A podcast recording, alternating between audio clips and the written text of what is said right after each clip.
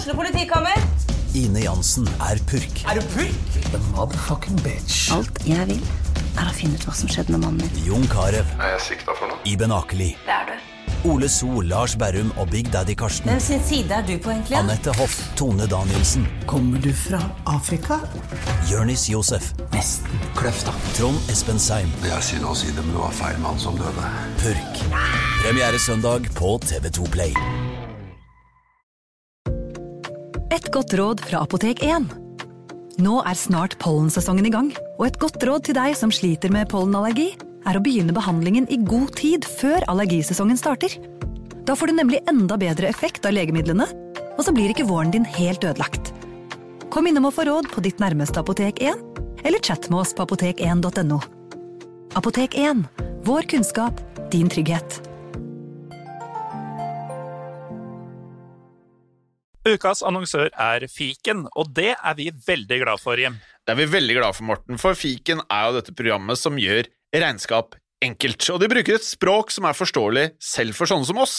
Ja, Det er nøkkelordet her. fordi jeg kan f.eks. registrere kjøpene mine ved å ta bilde av kvitteringa med en app, og salgene mine ved å sende en faktura. Og så er nesten hele regnskapet gjort. Når f.eks. skattemeldinga skal leveres, så er tallene automatisk fylt inn, og så blir jeg guida gjennom det hvis det er noe spesielt jeg må ta stilling til i mitt regnskap. Altså, det er så enkelt. Ja, og for oss som eh, kjenner deg, Morten, så er du jo ikke akkurat kjent for å være noen økonom, akkurat. Så eh, det her høres ut som noe som er midt i blinken for deg.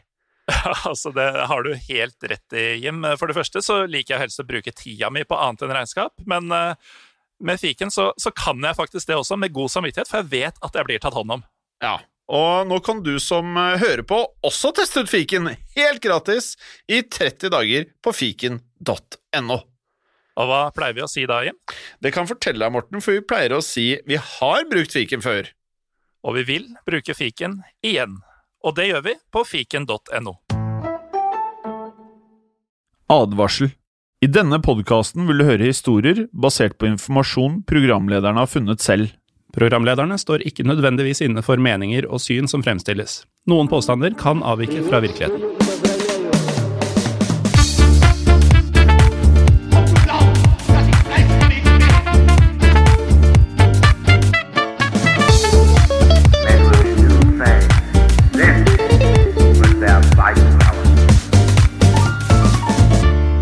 Og velkommen til del to av historiepodden andre verdenskrigs dobbeltepisode om ølkjellerkuppet. Jeg heter Morten Galaasen, og med meg så er du Jim Fosheim. Ja, jeg fikk lov til å være med i dag òg, skjønte jeg. Ja, og det var under tvil, for vi Når du snakker tysk, så Ja, nei, så, egentlig alle språk som ikke er norsk, så selv engelsk så kan jeg kløne det litt til. Men vi, vi, fant jo den tyske oversettelsen for ølkjellerkuppet for en uke siden. Husker du hva det tyske ordet for ølkjellerkuppet var? Jeg tror jeg er Bierkellerputsch. Helt uh, riktig. Ja. Uh, og vi, vi, vi, skal jo dit i dag også. Ja, Så dette blir da del to av det vi pratet om uh, forrige uke. Og vi, vi, var jo litt sånn halvkjipe mot dere lyttere. Altså, Vi avsluttet jo idet det skulle til å ta totalt av! Eh, og det var rett og slett for at vi skulle ha en liten cliffhanger, sånn at dere skulle bare sitte og vente på dagens episode. Og har du ikke hørt forrige episode, eller altså del én av Biakella Puch, så anbefaler jeg at vi, du starter der. Jeg må være litt ærlig, Jim, fordi det er mulig lytterne hørte et lite knis fra min side nå. Og det er jo fordi vi prøvde et par ganger å spille inn akkurat det her. Og du sa da 'førje' da du skulle si 'forrige'. Ja. Og det syns vi var så gøy at vi måtte spille inn en gang til. Ja, Det er ikke alltid jeg klarer å prate norsk heller. Nei, men i hvert fall i det du da kaller førje episode, så snakka vi om hvordan Hitler mislikte måten Tysklands regjering styrte landet på. Han mente da at alle var forrædere, alle i regjeringa, alle som styrte landet, for at de hadde gått med på å skrive under Versailles-traktaten. Og Vi så også hvordan han ved hjelp av sine retoriske evner eh, klarte å jobbe seg fram til å bli leder av det nasjonalistiske tyske Arbeiderpartiet. Ja, og dette var jo da oppbyggingen mot uh, den hendelsen som senere har blitt kalt for ølkjellerkuppet. Bierkellerputsch. Som da igjen, som vi nevnte i forrige episode, fant sted i 1923. Og som vi da husker fra forrige uke, så var det jo da slik at Hitler han tok med seg hele 600 soldater, og omringet da en av Münchens eh, mange ølhaller. Og inni ølhallen så befant seg da 3000 mennesker, sammen med 20 av soldatene pluss Hitler. Og blant disse 3000 menneskene i ølhallen, så var eh, altså da lederen for det bayerske regjeringen til stede, altså Gustav Rytta von K. Ja, og Hitlers plan var da altså å tvinge von K til å overlate makta i Bayern til Hitler, slik at eh, Hitler selv kunne marsjere mot Berlin, og så styrte den sittende regjeringa der. Men dette viste seg å være lettere sagt enn gjort. For selv om Hitler trua flere ganger faktisk med å drepe K, så gikk han likevel ikke med på å godkjenne dette kuppet. Og det aller siste som skjedde i forrige episode, var at de 3000 andre menneskene som befant seg inne i ølhallen, antagelig proppfulle av Wurst und Bier, mm. også begynte å bli utålmodige. Så Hitler måtte dermed finne en måte å roe disse 3000 menneskene på, slik at ikke kuppet skulle gå i vasken. Ja, og Hitler han bestemte seg nå for å gå tilbake inn til selve ølhallen, der alle menneskene var. For som dere sikkert husker fra forrige episode, så var jo de lederne nå i et lukket rom. Og når han da først var i ølhallen, så skulle han da holde en tale for de om lag 3000 menneskene der. Men han lot Karr og de andre, dvs. Si politisjefen Hans Ritter von Seiser og forsvarssjefen Otto von Lussow, bli igjen i naborommet sammen med noen av vaktene hans. Og han skjønte at han rett og slett nå måtte få med seg folkemengden i ølhallen om han skulle klare å redde dette kuppforsøket. Ja, og inne i ølhallen så var det som sagt fullt oppstyr, og Hitlers 20 soldater der inne var i ferd med å miste kontrollen. Så, som han gjorde da han ankom hallen første gangen, så avfyrte Hitler nok en gang et skudd i taket for å få hallens oppmerksomhet. Og, der er litt sånn der, Ville Vesten-type handlinger. altså bare Hver gang Hitler kommer i et rom, så bare skyter han i taket. Ja, det er den germanske Ville Vesten. Um, og da stillheten etter dette skuddet på ny senka seg i det kolossale rommet altså Vi snakker om et serveringssted med 3000 mennesker i. Så stilte han seg opp på en stol og begynte å tale. Og den talen han så holdt, har av øyenvitner i senere tid blitt beskrevet som intet mindre enn et retorisk mesterverk. Ja. Og Et av disse øyenvitnene som du beskriver her, Morten, var dr. Carl Alexander von Müller, som var en eh, historieprofessor ved universitetet i München. Men vi har ikke greid å finne eh, sitatet verken på norsk eller på tysk, men eh, dette er i alle fall den engelske oversettelsen av det han hadde å si om Hitlers tale. I cannot remember in my entire life such a change in the attitude of a crowd in just a few minutes almost a few seconds. Hitler had turned them inside out as one turns a glove inside out, with a few sentences. It had almost something of a hocus pocus or a magic about it. Og nettopp dette her er jo også en av grunnene til at Hitler var så farlig som han var. For han kunne virkelig overbevise nesten hvem som helst om nesten hva som helst. Og denne talen han holdt, skal da ikke ha vært spesielt lang, men da han var ferdig, så hadde stemninga i rommet endra seg fullstendig. Disse 3000 menneskene, disse sinte, øldrikkende menneskene i ølhallen, de hadde gått fra å være fiendtlige og opprørske til nå å ha blitt mer medgjørlige og til og med ekstatiske over eh, Hitlers eh, tanker. Ja, og Dette er jo ganske vanvittig, det som skjer her. Det er helt utrolig. Mm. Og da Hitler innså at han omsider hadde klart å overtale menneskene i kjelleren, så bestemte han seg for å smi mens jernet var varmt. For Hitler spurte de frammøtte om han nå kunne si til Karo og de andre at de nå ville stille seg bak ham, om han erklærte dette kuppet som vellykket. Dette ble møtt med jubel, det ble møtt med applaus, og Hitler visste nå at han igjen kunne gå inn til Kar og prøve på nytt. Og rett før Hitler holdt denne talen, så hadde han også sendt noen av eh, sine menn ut for å hente Ludendorff til ølhallen. Og som vi husker fra forrige episode, så var Ludendorff en anerkjent tysk general fra den første verdenskrigen, som også politisk var langt, langt ute til høyre. Og Ludendorff han hadde opprinnelig vært Hitlers hemmelige våpen for å gjøre dette kuppet mer legitimt. Ja, og selve timingen for eh, Ludendorffs ankomst til ølhallen kunne jo egentlig ikke vært bedre. For idet Hitler var på vei inn til Kahr og de andre, så han nemlig generalen komme inn dørene. Ludendorff ble så med Hitler inn på rommet der Karl, Lussow og Seiser sto og ventet. Hitler begynte med det samme å fortelle de tre mennene at folket ute i ølhallen nå støttet kuppforsøket, før Ludendorff tok over, og prøvde da å overtale dem til å støtte Hitlers planer om denne nye regjeringen. Og kombinasjonen av folkets overbevisning og Ludendorffs naturlige autoritet, det ble for mye for Ka og de andre. De skjønte på dette tidspunktet at det ville være umulig å ikke anerkjenne dette kuppet, i alle fall på papiret. Og det var jo det som var eh, målet til Hitler, å få signaturene eh, på dette papiret. Så dermed så kunne Hitler ta dem med ut i hallen igjen, der de så fortalte de oppmøtte at de nå støttet Hitlers maktovertalelse. Deretter tok de hverandre i hendene, og Hitler fortalte at det nå var lov til å forlate ølhallen. Det var ingen maskinpistol som skulle skyte dem på vei ut. Det som er merkelig med dette, Morten, er jo da eh, Du har ikke noe imot å få en kule i hodet, men når folkemassene står og jubler, da klarer man ikke å si nei. Nei. Eh, men dette gjaldt selvsagt ikke Kar Lossow og Seiser og de andre regjeringsmedlemmene som var til stede. For eh, Hitler var riktignok eh, glad for at de nå hadde annonsert sin støtte, men han var ikke så naiv at han lot dem dra fra ølhallen før maktovertagelsen var offisiell. I tillegg til å holde Kar og de andre i rommet, tok han også flere andre regjeringsmedlemmer til fange. Og Hitler var som sagt fornøyd med hvordan ting i denne ølhallen hadde utspilt seg, men dette kuppet var langt fra over, og det visste også Hitler. For denne ølhallen var nemlig ikke det eneste stedet Hitler hadde tatt kontroll over denne kvelden.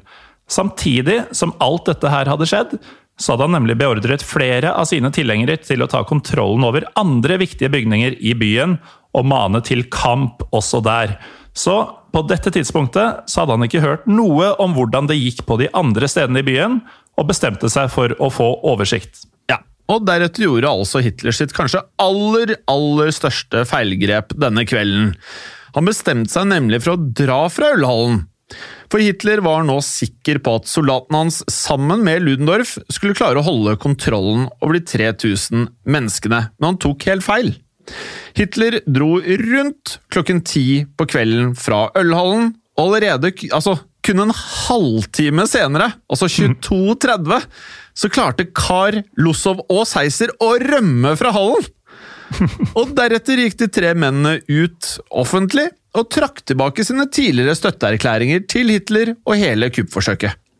Og som en kanskje kan forvente seg, så eh, førte jo denne hendelsen til fullstendig kaos. For de som hadde vært til stede inne på ølhallen, de begynte nå å tvile på Hitler igjen, og ingen visste helt hvor deres lojalitet skulle ligge.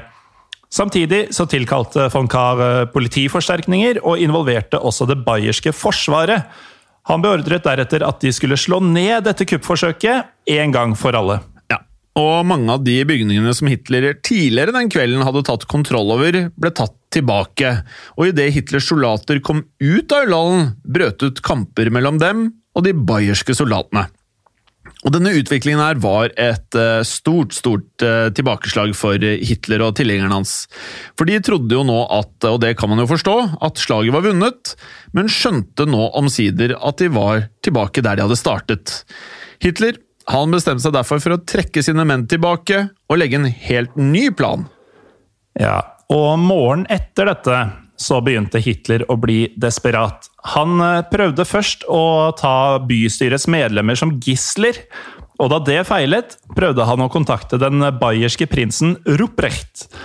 Planen var å overtale prins Ruprecht til å snakke med von Kahr, og få von Kahr til å forstå at Hitler hadde de beste intensjonene med dette kuppet. Men denne planen ble likevel aldri gjennomført, eh, rett og slett fordi han ikke klarte å få kontakt med prinsen overhodet. Mm. Og på dette tidspunktet Morten, så visste ikke Hitler hva han skulle foreta seg. For eh, omsider da, så henvendte han seg dermed til Ludendorff og spurte om råd. Og den gamle generalen var helt klar på hva han mente at Hitler burde gjøre. Han ønsket at det skulle marsjere ned til Forsvarsdepartementet i byen, og derfra ta kontroll over byen med ren og skjær makt. Og dette er jo ganske ekstremt. Um, og Hitler var først eh, skeptisk til denne planen, men da han ikke fant noe annet alternativ, ble han likevel med på Ludendorffs forslag. Så morgenen den 9. november 1923 marsjerte dermed Hitler og Ludendorff sammen med nå ikke 600 som forrige gang, men 2000 menn inn mot Forsvarsdepartementet. Det gikk rolig og behersket gjennom gatene, og alle sammen begynte å få troa på at de kanskje likevel skulle greie å ta makta. Hitler selv begynte å tenke på marsjen mot Roma året før, som hadde ført til at Benito Mussolini tok makta i Italia. Og han kunne ikke forstå hvorfor denne marsjen ikke skulle gå akkurat like knirkefritt som den hadde gjort i Italia. Ja, Det virker som Hitler hele veien her føler at alt bare skal eh, gå ganske greit. Ja, Hvis noe har skjedd før, så skal det skje igjen, liksom. Ja, det virker sånn. Eh, men det var likevel en eh, stor forskjell på de to eh, marsjene. For i Italia hadde ikke statsministeren bedt soldatene sine kjempe mot kuppforsøket, og dermed hadde jo heller ikke Mussolinis tilhengere noen motstandere på veien. Mens i München, denne dagen derimot, da, så hadde Kar bedt sine soldater stoppe alle forsøk på å ta makten, fra Hitler og fra soldatene hans. Ja, og da Hitler og hans tilhengere kom fram til Odeons plass, som er en åpen plass midt i München, så ble de derfor møtt av eh, von Kahrs soldater og politistyrker. Og von Kahs menn de hadde der oppretta en blokade og gjorde det klart at Hitlers menn ikke kom til å få slippe forbi. Hitler og Ludendorff de stoppet opp, men bestemte seg raskt for at eh, de måtte prøve å kjempe seg gjennom. Ja, og med det så um, begynte Hitlers soldater å skyte mot de bayerske soldatene, som da besvarte dette angrepet med skyts tilbake. Det hele resulterte i sånn man kan forestille seg. Eh, det er jo nærmest krig dette her, Morten. Eh, ja. Så det var jo superkaotisk og en eh, farlig situasjon her, for skudd ble jo avfyrt begge veier. Hitler, som sto ved siden av sine nærmeste partifeller, Max Erwing von Steubner-Richter da han ble skutt og drept, noe som igjen førte til at Hitler mistet balansen og fysisk selv falt ned på bakken. Og dette fallet var tydeligvis ganske hardt, eller i hvert fall uventa, fordi det førte til at Hitler fikk skulderen sin ut av ledd, og kunne da ikke gjøre annet enn å krabbe bort fra situasjonen. Og, det, og hele dette her, at han, han, han ene, altså Max Erwin von Scheubner-Richter, han blir skutt og drept. Hitler blir så da overrasket eller overrumplet at han tryner ned på bakken, og så får han skulderen mm. ut av ledd, og så krabber han bortover. Ja. Det er ganske altså, ja. Ja, så Det er jo helt absurd. Og det ble jo ganske tydelig her at Hitlers soldater de kom til å tape denne skuddvekslinga, og flere av Hitlers tilhengere de prøvde nå å rømme fra situasjonen. Og Flere av Hitlers partimedlemmer de ble drept i denne skuddvekslinga, og enda flere ble skadet. Ja, og det er faktisk ganske um, høye tall sånn relativt sett, for uh, til sammen så døde da hele 16 nazister i disse kampene, mens uh, Kahr mistet fire politimenn. Mm. Og Herman Göring uh, Det er bare å søke opp bildet. Det er en stor mann i volum. Han ble skutt i foten! Eh, men klarte som Vi skal jo prate om Herman Göring i Hitlers indre sirkel i podkasten. Han virker mm. som en sånn slu fyr som på en eller annen måte alltid klarer liksom åle seg ut av situasjoner. Og det klarte han denne gangen også. Han klarte å komme seg unna, men øh, han skulle ikke bare komme seg ut av selve denne skuddvekslingen. Han klarte omsider å rømme til Østerrike, sammen med flere av de andre medlemmene fra NSDAP. Hitler på sin side klarte også å komme seg fra situasjonen, men i motsetning til Göring så forlot han ikke Tyskland. Nei, for Hitler hadde en eh, bekjent som bodde rett utafor München, og bestemte seg derfor for å søke tilflukt eh, der.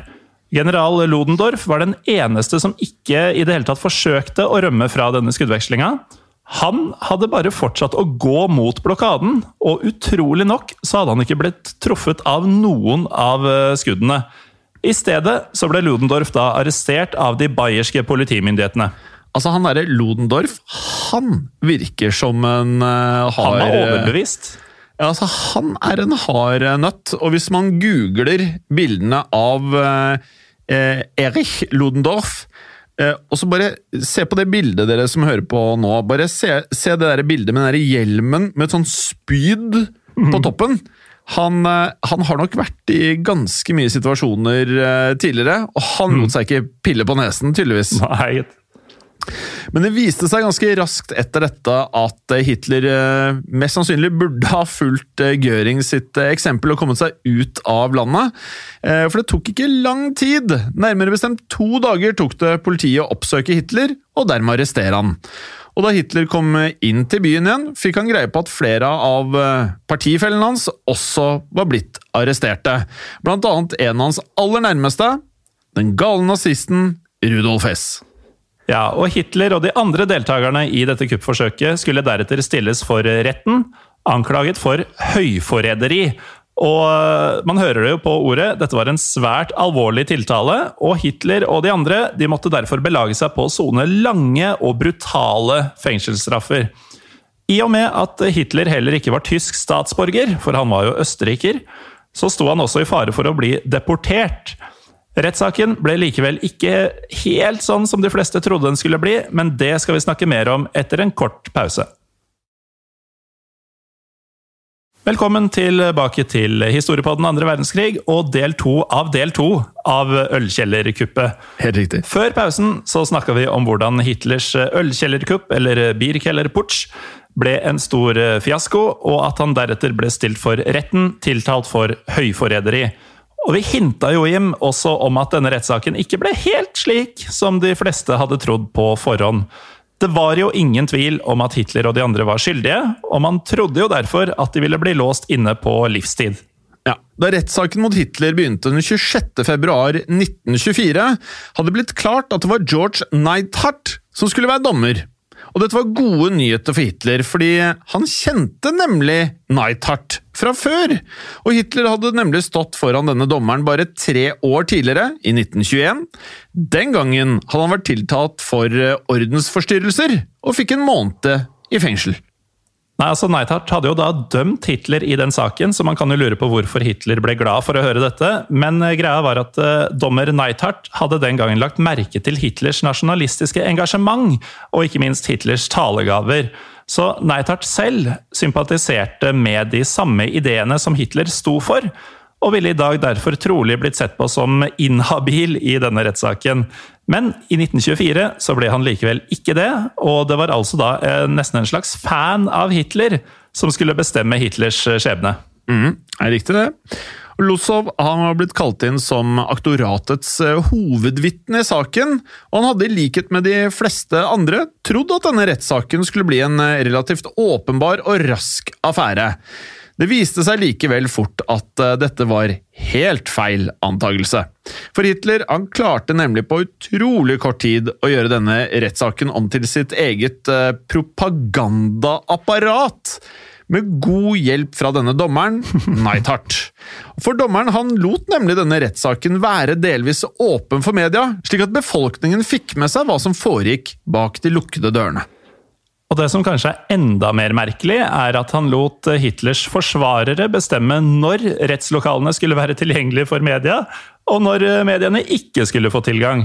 Så dermed så kunne Hitlers forsvarere da skjerme befolkninga fra de delene av rettssaken som stilte Hitler i et dårlig lys, og heller la mediene fokusere på de gangene Hitler selv tok ordet. Ja, og Hitler fikk enormt med taletid i løpet av rettssaken.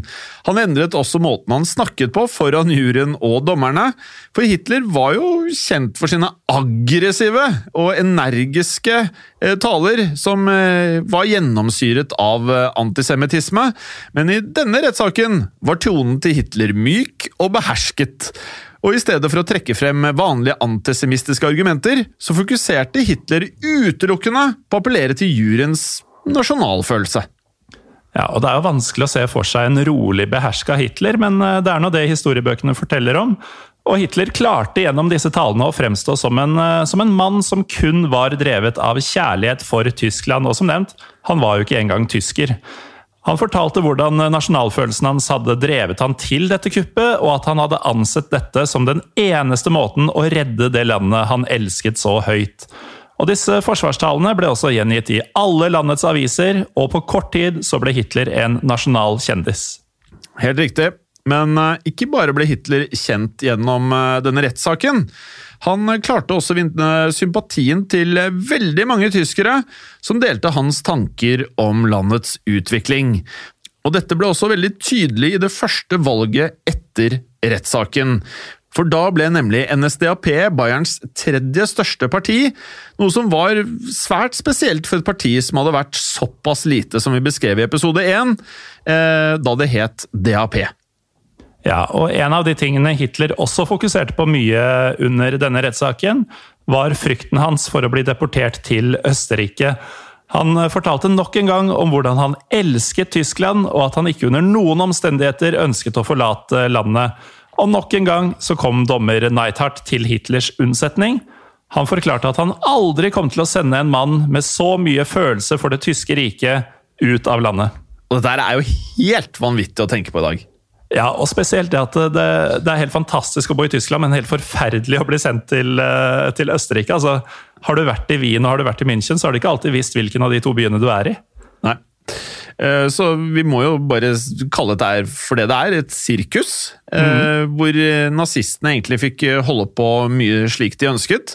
Og denne rettssaken den fortsatte frem til 1. april 1924, og denne dagen skulle endelig Hitlers dom leses opp. Og selv om aktoratet hadde mistet troen på at Hitler ville få livstid, slik de da hadde håpet før rettssaken startet, var de likevel sikre på at han ville få en lang fengselsstraff.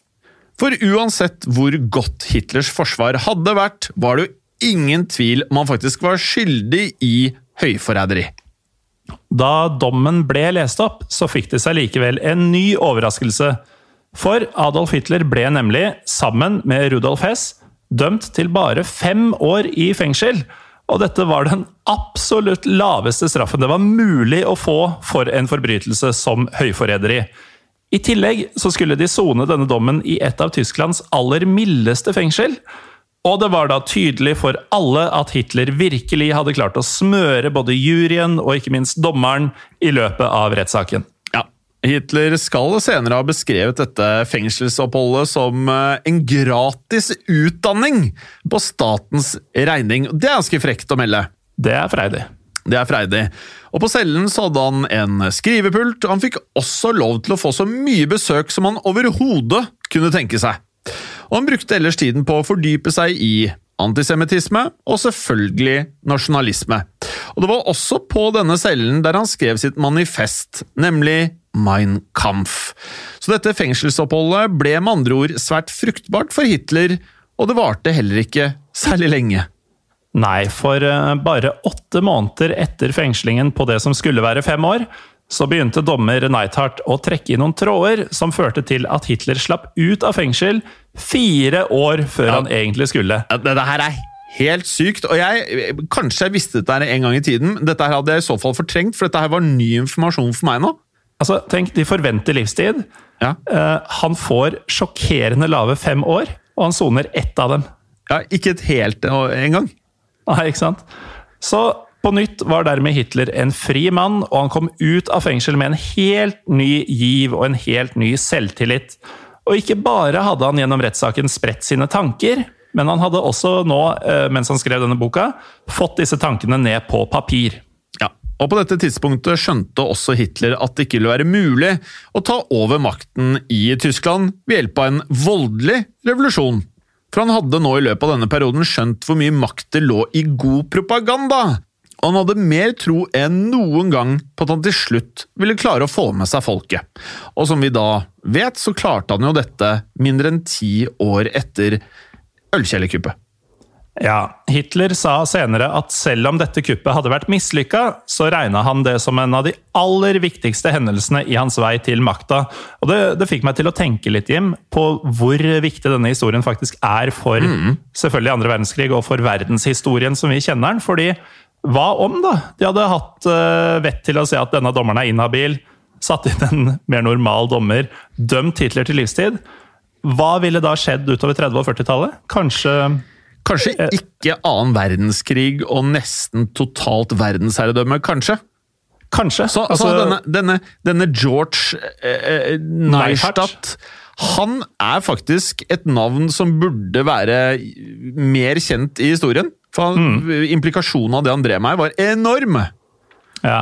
Og Hitler da videre, han brukte også ølkjellerkuppet for alt det var verdt etter at han tok makta i landet. Og Noe av det første han gjorde, var bl.a. å sette opp et stort minnesmerke i München til ære for de nazistene som mista livet i kuppet.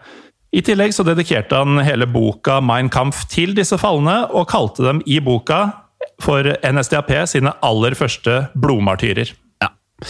Uh, over dette minnesmerket sto også påskriften Und ihr habt doch Geschicht, som betyr noe i retningen av og dere seiret til slutt likevel, på norsk, som dere skjønner. Hitler gjorde også 9. november til en viktig merkedag i den tyske kalenderen. For på denne dagen ble det gjennom hele hans regjeringstid arrangert både parader og minneseremonier, og alle innbyggerne i München måtte også gjøre nazihilsen idet de gikk forbi nettopp dette minnesmerket. Og nå nærmer vi oss jo slutten på denne episoden om eh, ølkjellerkuppet. Og avslutningsvis så må vi jo si noe om hva dette kuppet faktisk betydde for Hitlers vei til makta. Eh, som vi har sett, så er det jo ingen tvil om at rettssaken etter kuppet førte til en økt popularitet for Hitler. Altså det var jo et, han hadde jo et mikrofonstativ på seg gjennom hele saken. Og denne historien er jo svært viktig da, for å forstå hvordan Hitler kunne ta makta i landet i 1933. Det føles nesten som at uh eh, som en eh, kjendis eh, over de siste 20 årene kommer på noe sånt som Jay Leno-show eller et eller annet sånt for å promotere enten en film eller hva det måtte være, mm. så føles det ut som at hele den rettsprosessen var som å være på et superpopulært talkshow over lengre periode, og rett og slett kunne prate direkte til folket. Ja, og ikke minst var det jo velregissert, i og med at han selv sammen med sine forsvarere kunne bestemme når mikrofonene skulle være på og av. Mm. Nei, det, det, er, det, er, helt vanvittig, faktisk, eh, når man går i detalj her, hvor, eh, hvor viktig denne hendelsen er for i hvert fall de siste 80 årene av verdenshistorien. Ja, men eh, det er jo da klart at det er jo selvfølgelig en rekke hendelser som bidro til det at Hitler kunne ta makta i 1933. Noe av det har vi jo snakka om i disse to episodene om Birkeller-Putsch. Men Hitler var jo svært god da, til å bruke Tysklands mange problemer, og de hadde mange problemer, det hadde han faktisk rett i, til å fremme sitt ekstreme syn, og klarte gjennom voldsom propaganda å overbevise de stadig mer frustrerte innbyggerne i landet. Men det føles jo samtidig her som at uh, det er en rekke med tilfeldigheter også, som førte til at ølkjellerkuppet ikke ble slutten på Hitler og NSDAP, da. Ja, mange tilfeldigheter også. Altså for så kunne Hitler ha mista livet i skuddvekslingene. Han kunne fått en annen dommer i rettssaken. Altså det er mye som kunne skjedd her. Eh, lynsjemobben i ølhallen kunne jo bare most han eh, der inne. Og hadde han kanskje sittet alle fem årene, så kanskje det hadde vært for sent eh, å få til det han fikk til? Mm.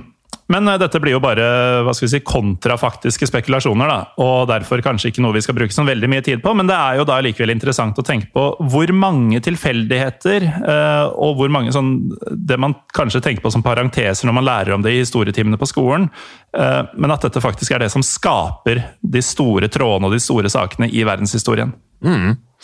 Og så er det fair å si at disse dobbeltepisodene med Ølkjellerkuppet er noe av det aller, aller, aller mest interessante så langt i VV2? Ja, så Det må vi jo nesten spørre lytterne om, men spør du deg og meg, så er jeg enig. Ja, dette her er, der er um, Det er så, så mye informasjon også som jeg ikke føler er allmennkjent. Mm. Og det er jo noe som ja. går igjen i veldig mange episoder vi lager, syns jeg. Altså, det mm høres veldig ut som vi skryter av oss sjøl nå, men uh, det er mer det at uh, denne altså har, Det er en grunn til at vi har dedikert en hel podkast til denne ene krigen.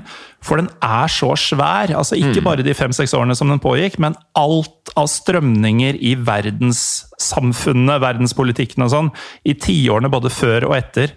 Og det er jo det som har forma den verden vi lever i i 2021. Mm. Jeg, jeg, gjorde det litt for å skryte av oss, men uh, jeg syns at uh, Jeg må jo si det at uh, en av eh, grunnene til at eh, vi var veldig gira med å, å starte i den andre verdenskrig, var jo ikke bare for vi følte at det var mange lyttere som kom til å like innholdet. Det var jo også fordi vi ønsket å lære mer om dette selv. selv. For, Ja, for man og har- det skal sies, vi, vi, eh, vi kan ikke alt vi snakker om sånn fra før. Vi lærer veldig mye i arbeidet med å forberede episoden her. Mm. Og det er vel så morsomt som eh, det å utgi episodene, er jo all den der læringen. Og så håper vi da med episodene at vi klarer å komprimere mye av det vi surrer igjennom på forhånd, til noe som eh, gir et eh, tålelig bilde av situasjonen. Enig. Så eh, med de ordene, Jim, så tror jeg vi gir oss eh, for denne gang. Og håper at eh, dere som hører på, kommer tilbake neste uke for mer, flere historier fra andre verdenskrig. Og vil dere ha enda flere historier fra historien, så har vi også Historiepodden, som kommer ut hver tirsdag. Ja. Og neste uke så kommer del tre av Ølkjellerkuppet. Nei da. Eh, gå gjerne inn på iTunes og rate oss der med disse stjernene. Eh, vi er på 4,7. Det hadde vært helt Åh. vanvittig å komme på 5. Eller 4,83. Ja, eller 4,8. Jeg- 4,8. Jeg blir superfornøyd med 4,8. Eh, Verre hvis vi går ned på 4,5. Men eh, ja, så det betyr jo at man må egentlig trykke på fem stjerner skal vi gå oppover. Så hvis du Ja. trykker på fire, så går det bare nedover. Det er ikke bra. jeg er litt redd for at vi går nedover hvis vi fortsetter noe særlig Ja, ja, mer nå. Men bli gjerne med på Facebook-gruppa vår, Historie for alle. Der kan man eh, både slenge med leppa til oss, man kan eh, dele ting man syns er interessante, og diskutere episoder eksempel med andre lyttere. Auf Wiedersehen. Det har skjedd. Og det kan faktisk skje igjen, så pass på. Ha det bra. Ha det.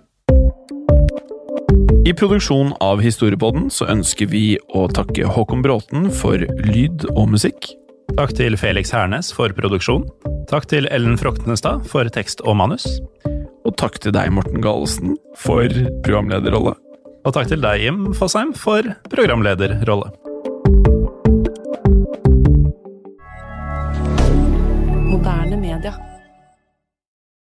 Kiwi er billigst i VGs matbørs og har vært billigst i fire av de fem siste VGs matbørser. Og nå har vi billige parti- og sesongvarer til påske. På 6 ganger halvannen liter Coca-Cola Zero setter vi prisen til 79 pluss pann. På 600 gram Folkets Burger Big Pack setter vi prisen til 79. På 650 gram Lerøy helside laksefilet i aluminiumsform setter vi prisen til 169. For det er vi som er prispresserne. Og vi i Kiwi gir oss aldri på pris.